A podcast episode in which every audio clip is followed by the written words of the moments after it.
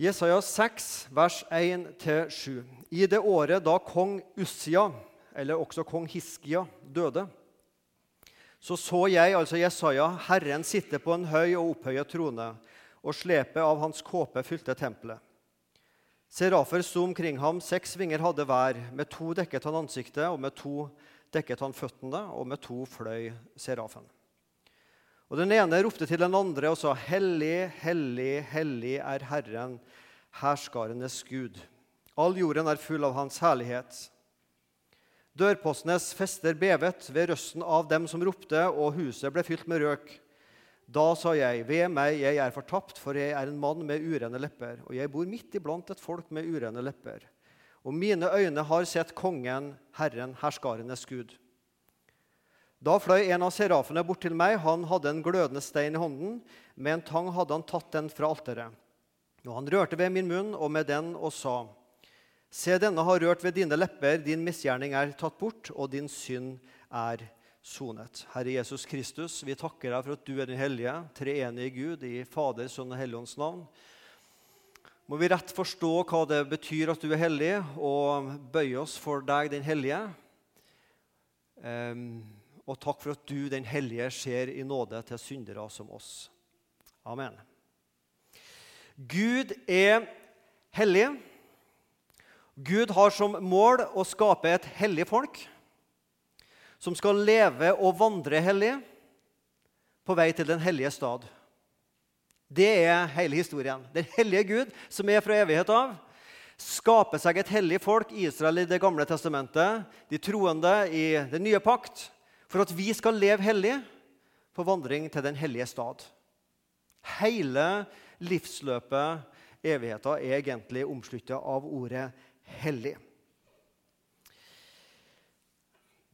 Gud Det er ikke lett å tegne Gud, men ofte så tegner vi en, en trekant. Og det er jo Fader, Sønn og Helligånd. Gud er også et strek. Hva, hva, hva slags adjektiv eller substantiv skal vi sette på Gud? Og Du har sikkert skjønt tegninga siden temaet i dag er hellig. Men, men, hvis du har gått på gata, eller hvis du skulle ha svart sånn uten å tenke på at i dag handler det om ordet 'hellig', så tror jeg mange av oss, meg sjøl inkludert, ville ha svart at Gud er kjærlighet, og Gud er kjærlig. Og det er ikke noe feil i det, for definitivt enn det. Men ordet 'hellighet' er egentlig et større begrep enn at Gud er kjærlighet. For kjærlighet er på en måte ikke bare men forstå meg rett, bare en del av Guds hellighet. Guds hellighet det er hele Guds vesen. Så hvis vi skal ha en konkret definisjon av hvem er Gud, eller hvordan er Gud, så er Gud hellig. Ja, Han er kjærlig, og han er mange andre ting. Men i dag så handler det om Gud er Skriv en H, Herre hellig. Gud er hellig. Og Det var disse serafene som I himmelen er det serafer, det er kjeruber, det er engler, det er de 24 livsvesener. og det er, ja, det er ikke så lett å få oversikt over alt som er i himmelen, men vi skjønner at her er det en himmelsk hærskare. Og I de gamle oversettelsene så sto det 'Herren Sebaot'. Og det, det, lærte vi jo da vi små. Ingen som skjønte hva Sebaot betydde. vet du. Men vi sa Herren Sebaot. Trodde det var en sånn kult navn på Gud. Men det betyr allhers Gud. Han er Gud for alle hærene. For engler, kjeruber, serafer og, og, hva det nå er. Men disse serafene roper altså 'Hellig, hellig, hellig er Herren, herskarenes Gud'. All jorden er full av Hans herlighet. Hva er det som er hellig? Et ord som ikke vi bruker så mye. I mange religioner så har man noe som heter tabu. Det kan gjerne være en gjenstand som man tenker denne gjenstanden er hellig. og Hvis vi bare får holdt i denne gjenstanden, så får vi på en eller annen måte en slags hellighet i oss. Mange religioner har sånne tabu, hellige gjenstander. Og Vi møter litt av det i Det gamle testamentet, paktens ark der de to lovtavlene var oppi. Eh, en gang så var Israels israelsfolket i krig med filistrene. Og filistrene stjal paktens ark. De tok den med seg, og tenkte, For de visste at Israel hadde med seg den ut i krig, og da vant Israel. Men en gang så tapte Israel krigen mot filistrene, sjøl om de hadde paktens ark med seg.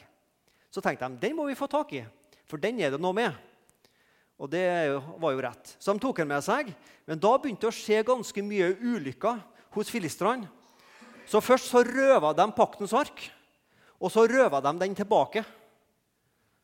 Har du hørt om eh, tante Sofie i Kardemommeby? Først så røver røverne henne, men så blir det så mye ugreier med tante Sofie at de røver henne tilbake. Og Litt sånn var det med paktens ark. Det skjedde så mange ting. Det står til og med at da noen folk så på han, ikke bare kasta blikk på han, men kanskje så på en spesiell måte på den arken, så døde de. Så de røva han tilbake. og, Litt senere ute i Gammeltestamentet så står det en gang at de hadde satt den der arken på en, ei vogn og det var jo ikke noe asfalt engang, så det var litt humpa og dumpa. Så, så kom den litt på skeiven, og så var det en som så at den holdt på å datte av. Så han sprang bort der for å, å støtte den opp, og da falt han død om. Så mye kraft var det i denne paktens ark, en hellig gjenstand. Hvem kan stå for ansiktet til Herren den hellige, sier folket, da noen døde bare ved å se på arken. En hellig gjenstand. Men i Bibelen så er først og fremst Gud hellig, og så skaper Gud et hellig folk, israelsfolket som han utvelger, og de kristne. Gud er hellig. Og Vi som sitter her, vi tenker da på, på Gud, altså Fader, Sønn og Hellig Ånd, som hellig. Det er det vi kaller en åpenbaringsreligion, at helligheten kommer til oss utafra. Gud i det høye åpenbarer seg hvem han er som hellig, og kommer til oss med ei bok som forteller om seg sjøl som hellig.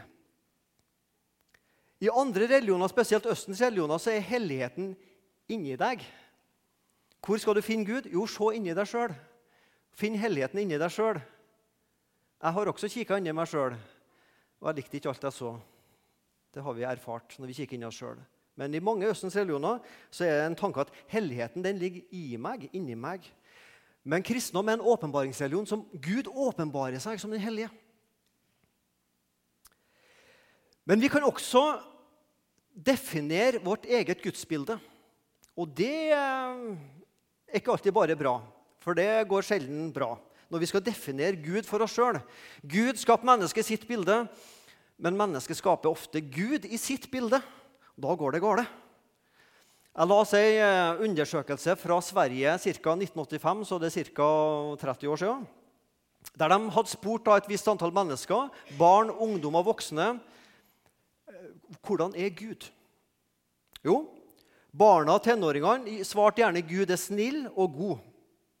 Ord som hellighet og dom det, det var ikke så viktige. Det var mer en sånn kos og klem-gud. En sånn snill, bestefarsfigur, åpen, raus og inkluderende for alle. Men hellighet det, det, det, det var ikke plass i gudsbildet. Så sporer man de voksne, og selvfølgelig er svarene ulike. Men sånn, i sum da, så gikk det mer på hos de voksne at man hadde et bilde av en fryktens gud. En som man bare skulle frykte. En gud som straffer, og der det er lite kjærlighet. Men det er gjerne et gudsbilde som kanskje er skapt av at man har hatt avstand til sine foreldre og kanskje frykta sine foreldre, så tar man med seg det foreldrebildet i møte med Gud. Dette er sånn grovskissa av den undersøkelsen. Men hvilket bilde, gudsbilde preger Kari og Ola Nordmann, eller Medelsvensson, som det heter i Sverige, Middelsvensson, i dag? Jeg tror veldig mange i dag tenker Gud er snill og god, en kos og klem-gud. Hvorfor da? Jo, bl.a. fordi at de barna som var spurt for 30 år siden, de har jo blitt voksne i dag og tatt med seg det gudsbildet. Og Det er jo ikke sånn at det, det, ene eller det andre er helt feil eller rett. Det er jo helheten som teller. Gud er snill og god, og Gud er hellig og kan straffe. Og vi må holde hele gudsbildet sammen. Men jeg tror vi som har fulgt med noen tiår, vi har nok erfart og opplevd at ord som gudsfrykt, hellig liv, synd, dom og helvete stort sett har havna på museum eller i spesielle gudshus enkelte søndager. Når vi bruker ord som hellig, ærefrykt og respekt, hva skal vi sammenligne det med? Hva slags jordiske sammenligninger skal vi ha? Det kan være kongen, det kan være en farsfigur, det kan være læreren, det kan være presten. Det er bare det at en del av disse bildene eh, kanskje ikke fungerer på samme måte i dag. Og vanskelig å sammenligne fordi vi lever i et samfunn der veldig mange ikke har respekt for noe lenger. Og da sier at Gud han er på en måte som en sånn farsfigur. Ja, men han har ikke respekt for.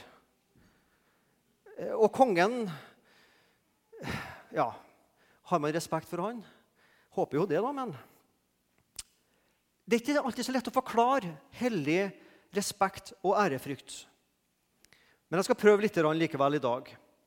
Jeg tror det er viktig å skjelne mellom hellig, at Gud er hellig, og at Gud er høytidelig. For det er ikke det samme at Gud er hellig og at Gud er høytidelig. For når Gud blir høytidelig, da må jeg pynte meg opp.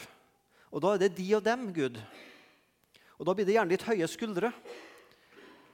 Og jeg, jeg, tror, Nå maler jeg litt sånn med brede pensler her og, og tegner litt sånn uh, i enkle strek. det skjønner dere, Men hvis jeg tenker tilbake på min barndom, når vi gikk i kirka Det var ikke ofte vi gjorde det, men vi gikk det jo noen gang. Da var det to ting jeg huska på var veldig viktig, som mor mi sa når jeg skulle gå i kirka.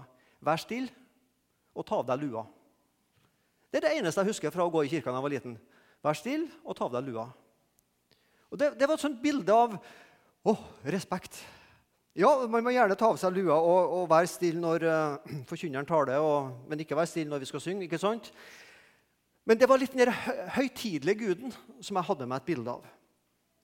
Men hellig og høytidelig er ikke det samme. Når Gud er hellig, så dette verbet eller substantivet 'hellig' og 'være hellig' på hebraisk det betyr egentlig to ting. For det første så betyr, betyr det å skinne og stråle. Vi snakker om det som er hverdagsgrått, det som er sekulært og hverdagsgrått. Og så har du det som skinner og stråler, som er noe annerledes enn det som er hverdagsgrått. Og så kan dette ordet også bety 'kutta av'. Noe er på en måte kutta av og satt til side for en spesiell tjeneste. Tatt bort fra sitt vanlige bruk til en spesiell tjeneste. I tempelet og i tabernaklet var det hellige kar. De var ikke laga av spesielt hellige personer. Men de var laga, og så var de tatt ut fra de vanlige karene og skulle være til en egen spesiell tjeneste i offerhandlingene. Hellige kar. De var tatt til side til et spesielt bruk. Så å skinne stråle, det å skille og utskille og kutte av. Og så opphøyd. Herren er opphøyd. Han er over oss.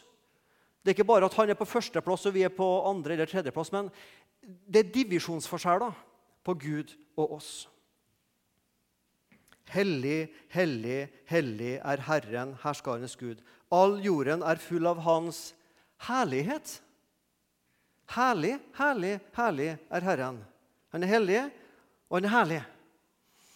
Litt sånn grammatikk i dag, men det, det, det liker dere. Håper jeg. Tror jeg. Ordet 'herlig' det betyr tung.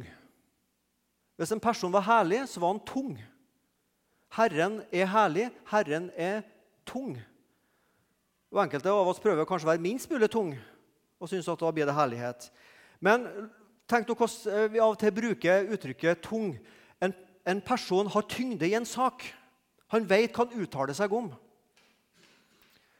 Mitt favorittprogram på TV-en det er reklamen mellom TV-programmene. Da følger jeg veldig mye med. Jeg satt og her en dag, Da var det BI, Bedriftsøkonomisk institutt. og Der var slagordet 'Ikke vær en lettvekter'. BI tyngden du trenger. Ikke sant?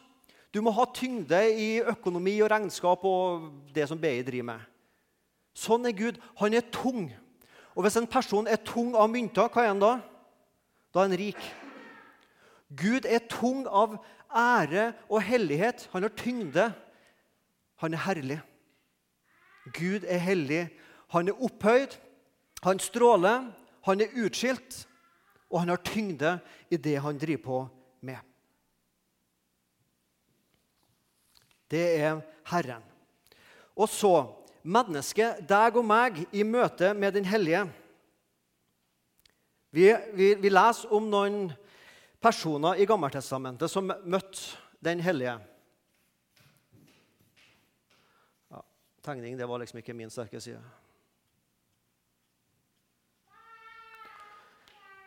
Hvordan Hvordan reagerer møter mennesker den hellige Gud i Gammeltestamentet? Hva skjer med mennesker når man rett og slett kommer i et nært møte med Gud? Moses, ta av deg skoene. Du står på hellig grunn. Han ba om å få se Gud. Gud kan få se deg. Se ansiktet ditt, Gud. Ja, sier Gud. Du. Nei, du får ikke se ansiktet mitt, for da, da, da er dagene dine ferdige. Da dør du. Men du skal få se meg, men du skal få se meg bakfra. Han fikk se Guds hellighet, herlighet, men bakfra. Ikke vrangsida, først og fremst, sa Gud, men vi makter ikke å se Gud som han virkelig er. Da overlever vi ikke. Og Så skulle Moses opp på Sinai-fjellet. Og Da sa Gud det går en grense rundt Sinai-fjellet. Du Moses, skal få komme opp og møte meg. Men de andre folka de, de må ikke komme nær. Til og med hvis sauer og, og, geiter og sånn kommer nær, så, så, så, så, dør de. For dette er et hellig fjell nå.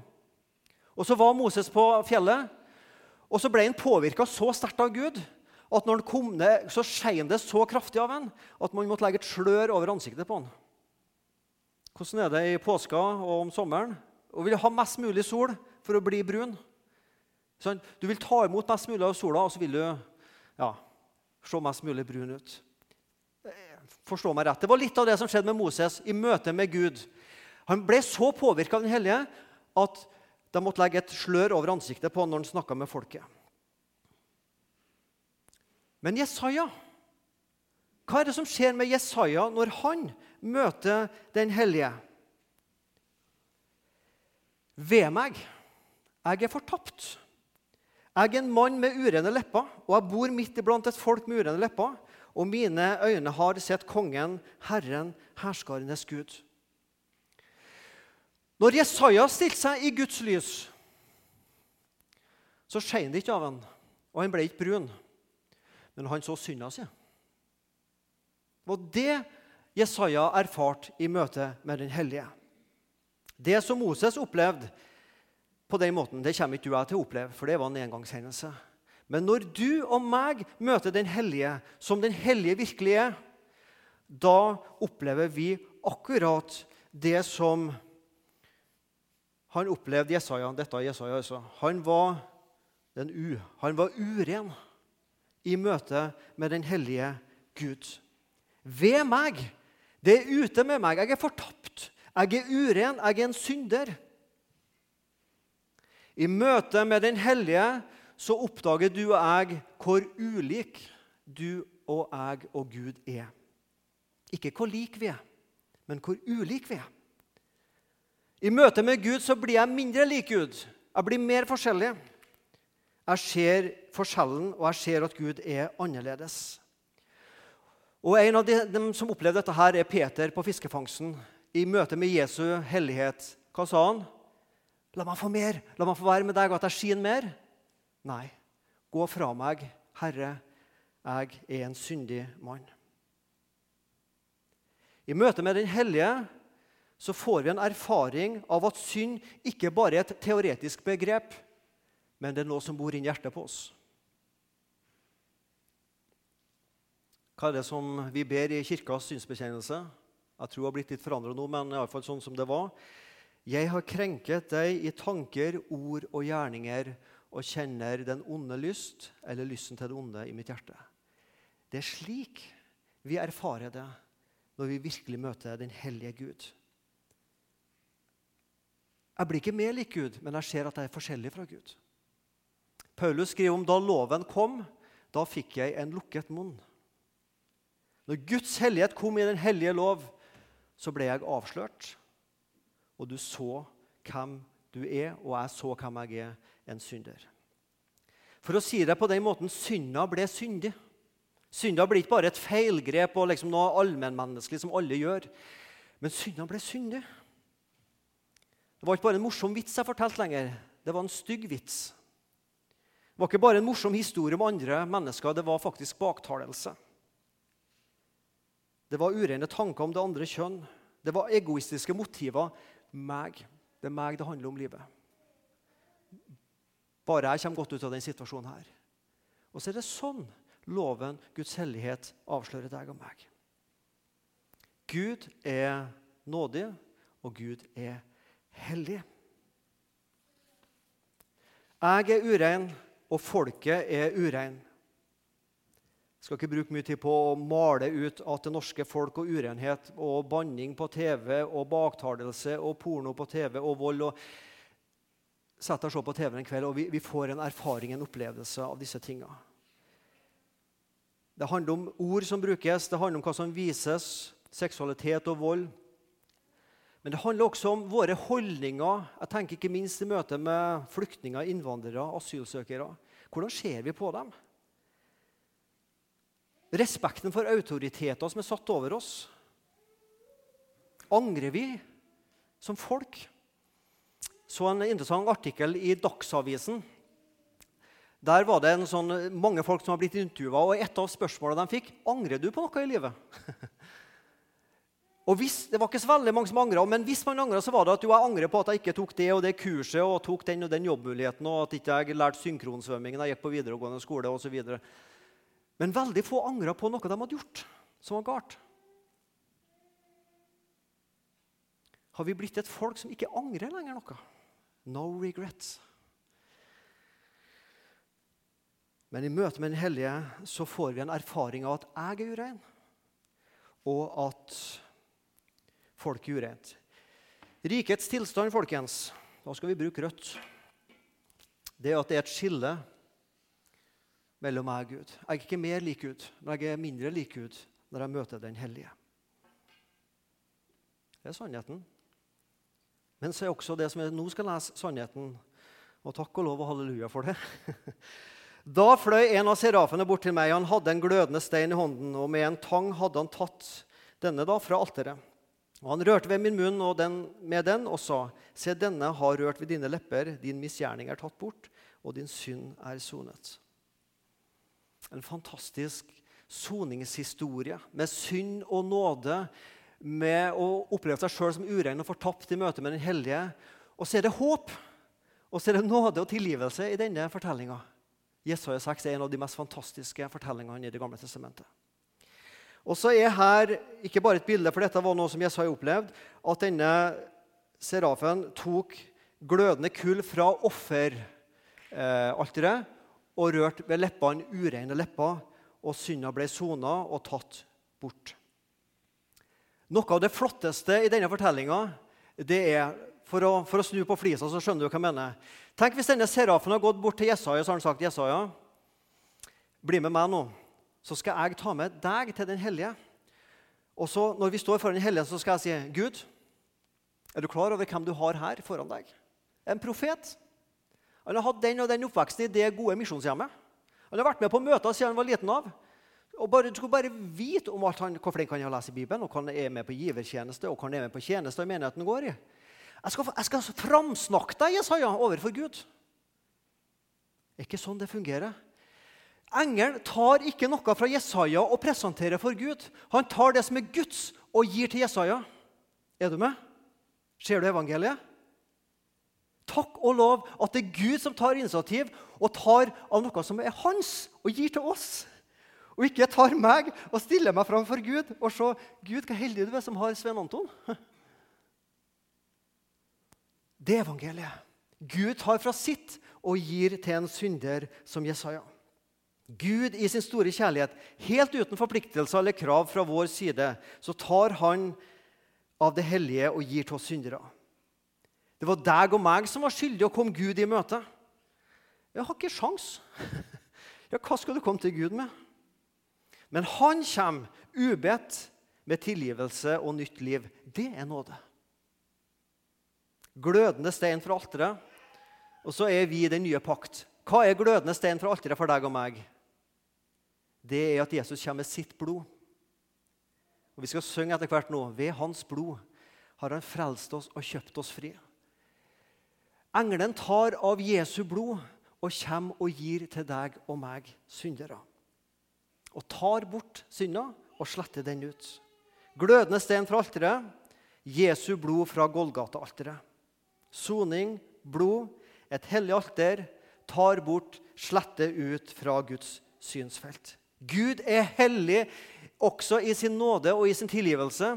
Og Vi skal lese sammen flott, to flotte vers fra hos profeten Hosea.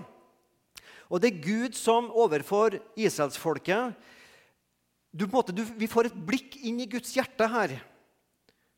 Det er ikke Hosea som taler, men det er Gud som taler gjennom Hosea til israelsfolket. Hvordan kan jeg gi dere opp, Efraim? Overgi deg til Israel, til noen andre folk? Hvordan kan jeg oppgi deg som Adma, gjøre med deg som Sebjoim? Jeg vet ikke hva det går ut på, men det var sikkert noen historiske hendelser. Hjertet vender seg i meg, all min medlidenhet våkner. Jeg vil ikke følge min brennende vrede, for det kunne Gud godt ha gjort. Jeg vil ikke ødelegge Efraim en gang til, for jeg er en gud og ikke et menneske. Jeg er hellig midt iblant dere. Jeg vil ikke komme med vrede, redsel, med straff. Det er så menneskelig å straffe når noe går galt, noen gjør feil. Jeg skal ta igjen. Ja, ok, jeg skal tilgi, men søren om jeg glemmer. Altså. Jeg skal ta igjen. Det er så menneskelig. Men Gud Det er som medlydenheten våkner i han. Det er som, som måte, hjertet vrenger seg. Dette kan ikke jeg utstå om å straffe Israel. Men jeg vil gjerne tilgi. For jeg er en gud og jeg, er ikke et menneske, for mennesket ville ha straffa, men jeg er en Gud. Jeg er hellig midt iblant dere. Gud i sin hellighet kommer ikke bare med straff for synd, men han kommer også med nåde og tilgivelse. Det er også en del av Guds hellighet. Det er derfor jeg sier at hellighet er et mye større og egentlig et viktigere begrep enn å bare si at Gud er kjærlighet. Fordi at vi av og til kan da ha en tendens til å snevre inn begrepet kjærlighet. Gud er hellig i sin kjærlighet, i sin hellighet. Og Gud kommer og berører Jesaja, den ureine. Og så har jeg tenkt på Jesus. Hvis vi prøver å tenke gjennom Jesus sine år på jorda, hvor mange ureine mennesker Jesus lot seg berøre av? Han Jesus, den hellige uten synd, himmelsk, ingen stygge tanker, ingen onde ord, ingen brudd på de ti bud. Og så ville han være med ureine mennesker. Kvinner grepet i hor, demonbesatte, Jakob og Johannes, sinte og aggressive disipler. Syndere og tollere som Matteus og Sakkeus med urein pengebok. Spedalske, og vi kunne fortsette. Jesus vil veldig gjerne være med ureine mennesker. Jeg må ikke fikse opp livet mitt og få det til å skinne og være hellig for å møte Gud. Men jeg møter Gud med min synd, og så får jeg Guds hellighet en gammel salme. Gud og meg. Du som freden meg forkynner, du en frelser, jeg en synder, du med amen, jeg med bønn. Du med nåden, jeg med skammen. Og så forskjellige vi er. Hva er det vi synger? Og å hvor vi dog passer sammen. Men det er jo ikke det vi gjør. Men det er Gud som sier at vi passer sammen. Her passer vi ikke sammen med Gud, men han slår et strek over forskjellen, ulikheten. Og hvor vi dog passer sammen, du Guds salve deg, Guds sønn. Så syns du at du skimter et kors der. og Derfor har jeg brukt rødfargen. Gud er hellig. Men Gud vil passe sammen med syndere. Men det er han som tar initiativet, og ikke deg og meg.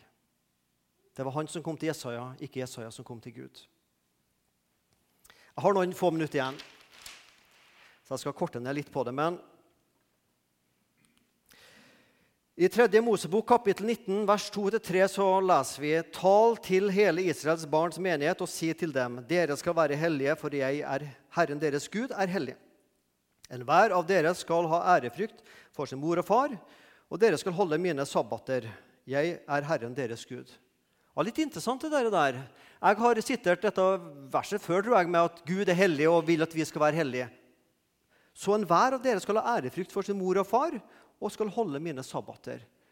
Hvis du vil leve hellig, følg de ti bud. Det er grunnen det som Gud sier her til Moses. Et fire H-liv. Jeg skal bruke noen minutter på det helt til slutt.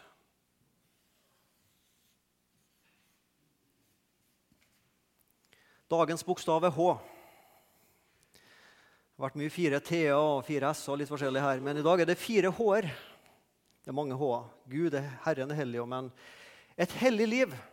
Og så er det en organisasjon som heter 4H. Jeg har aldri vært med i den, men jeg måtte google meg på den, og da kom det opp 4H. De har da som formål at ungdommer skal ha et klart hode, et varmt hjerte, flinke hender og en god helse. Da tenkte jeg det, dette høres veldig bra ut. Og så har de en sånn fin eh, firkløver. vet du. Den første H-en er hjertet. I møte med Den hellige et hellig hjerte. Og så er det en bibelsk sannhet her at det er to sannheter. At jeg har et syndig hjerte, men så blir vi gjenfødt, og så kommer Den hellige ånd og bor i vårt hjerte. Og så er det på den måten hellig. Og så er det en kamp mellom menneskenaturen, kjøttet, og ånden, det nye livet. Men i Kristus Paulus sier at deres liv er skjult med Kristus i Gud så tenker jeg mitt hjerte, mitt syndige hjerte er skjult med Kristus i Gud. Og så er det Jesus som er hellig. Og så kommer han ved sin hellige ånd og tar bolig i ditt og mitt hjerte. Hellige hjerter. Et rensa hjerte i Jesu blod ja, det får konsekvenser for mine holdninger, ikke minst overfor andre mennesker. Et hellig hjerte. Den andre H-en et hellig hode. Det måtte jo være en håv, men eh, det, det handler om det, den kristne tanken. Den kristne tanken skal vi stå opp for. Den skal ikke vi skjemmes over. Den skal ikke være flau over å stå for den kristne tanken. Og jeg trenger, og du trenger, å avstemme din og min tanke overfor mot Bibelen. Det fins et begrep som heter å kalibrere. Det å finjustere. Når ting ikke er helt på stell, da kalibrerer du finjustere din og min tanke ut fra Bibelen. Av og til så trenger jeg å grojusteres også. Mitt syn, altså menneskeverdet, synet på fosteret, synet på folk med Downs syndrom, synet på flyktningen og det kristne synet på ekteskapet. Vi vet hva som har vært opp til debatt de siste månedene. Her må vi tørre å stå opp for den kristne tanken, for den kristne tanken er sannhet, og den står seg.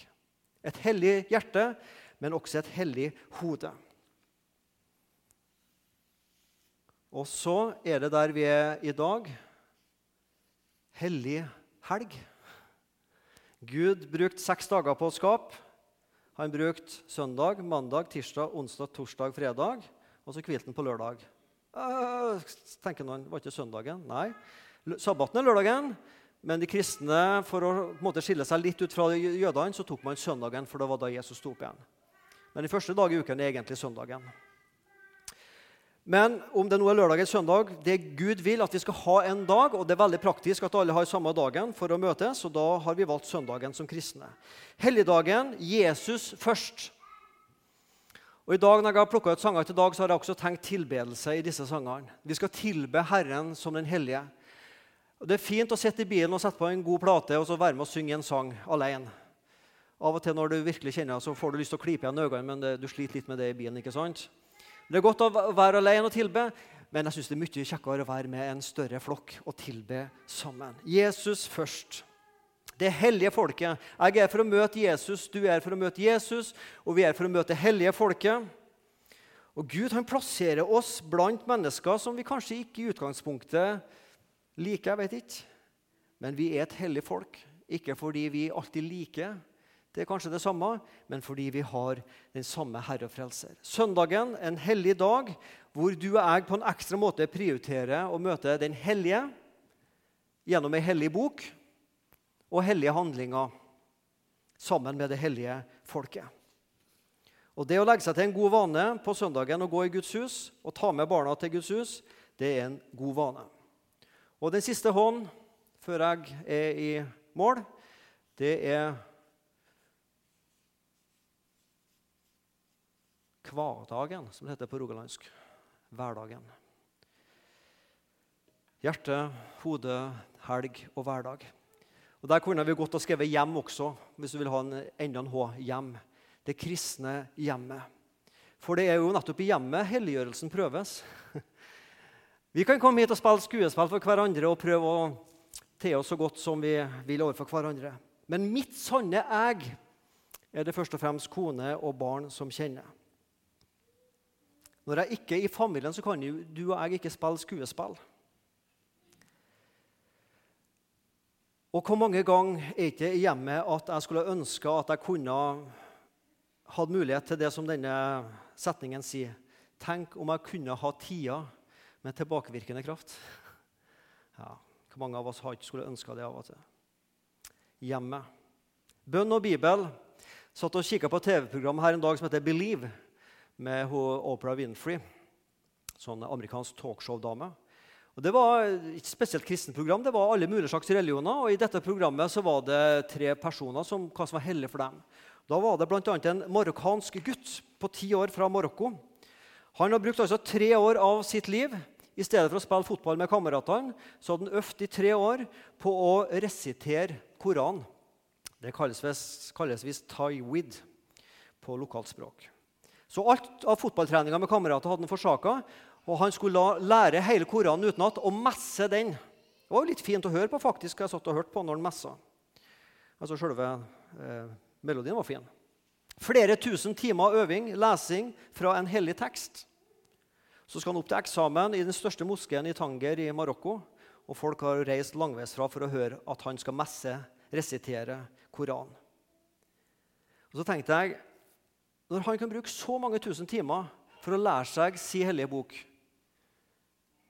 og så vi som kjenner virkelig Den hellige bok, Bibelen, som er, det, er teksten om den sanne Gud, og den sanne tekst om den sanne Gud. Hvor mye skulle vel ikke vi også sette av tid til bønn og Bibel sammen? Hellig hverdag, hjem, bønn og Bibel. Det å hjelpe og gi. Vi kristne burde ha vært kjennetegna av vår godhet. Holdninger. Jeg tenker Hjemme så lærer barn holdninger. Hva snakker vi om i heimen? Hvem snakker vi om, og hvordan snakker vi om dem vi snakker om? Små gryter har også ører. Å snappe opp. I familien så læres holdninger.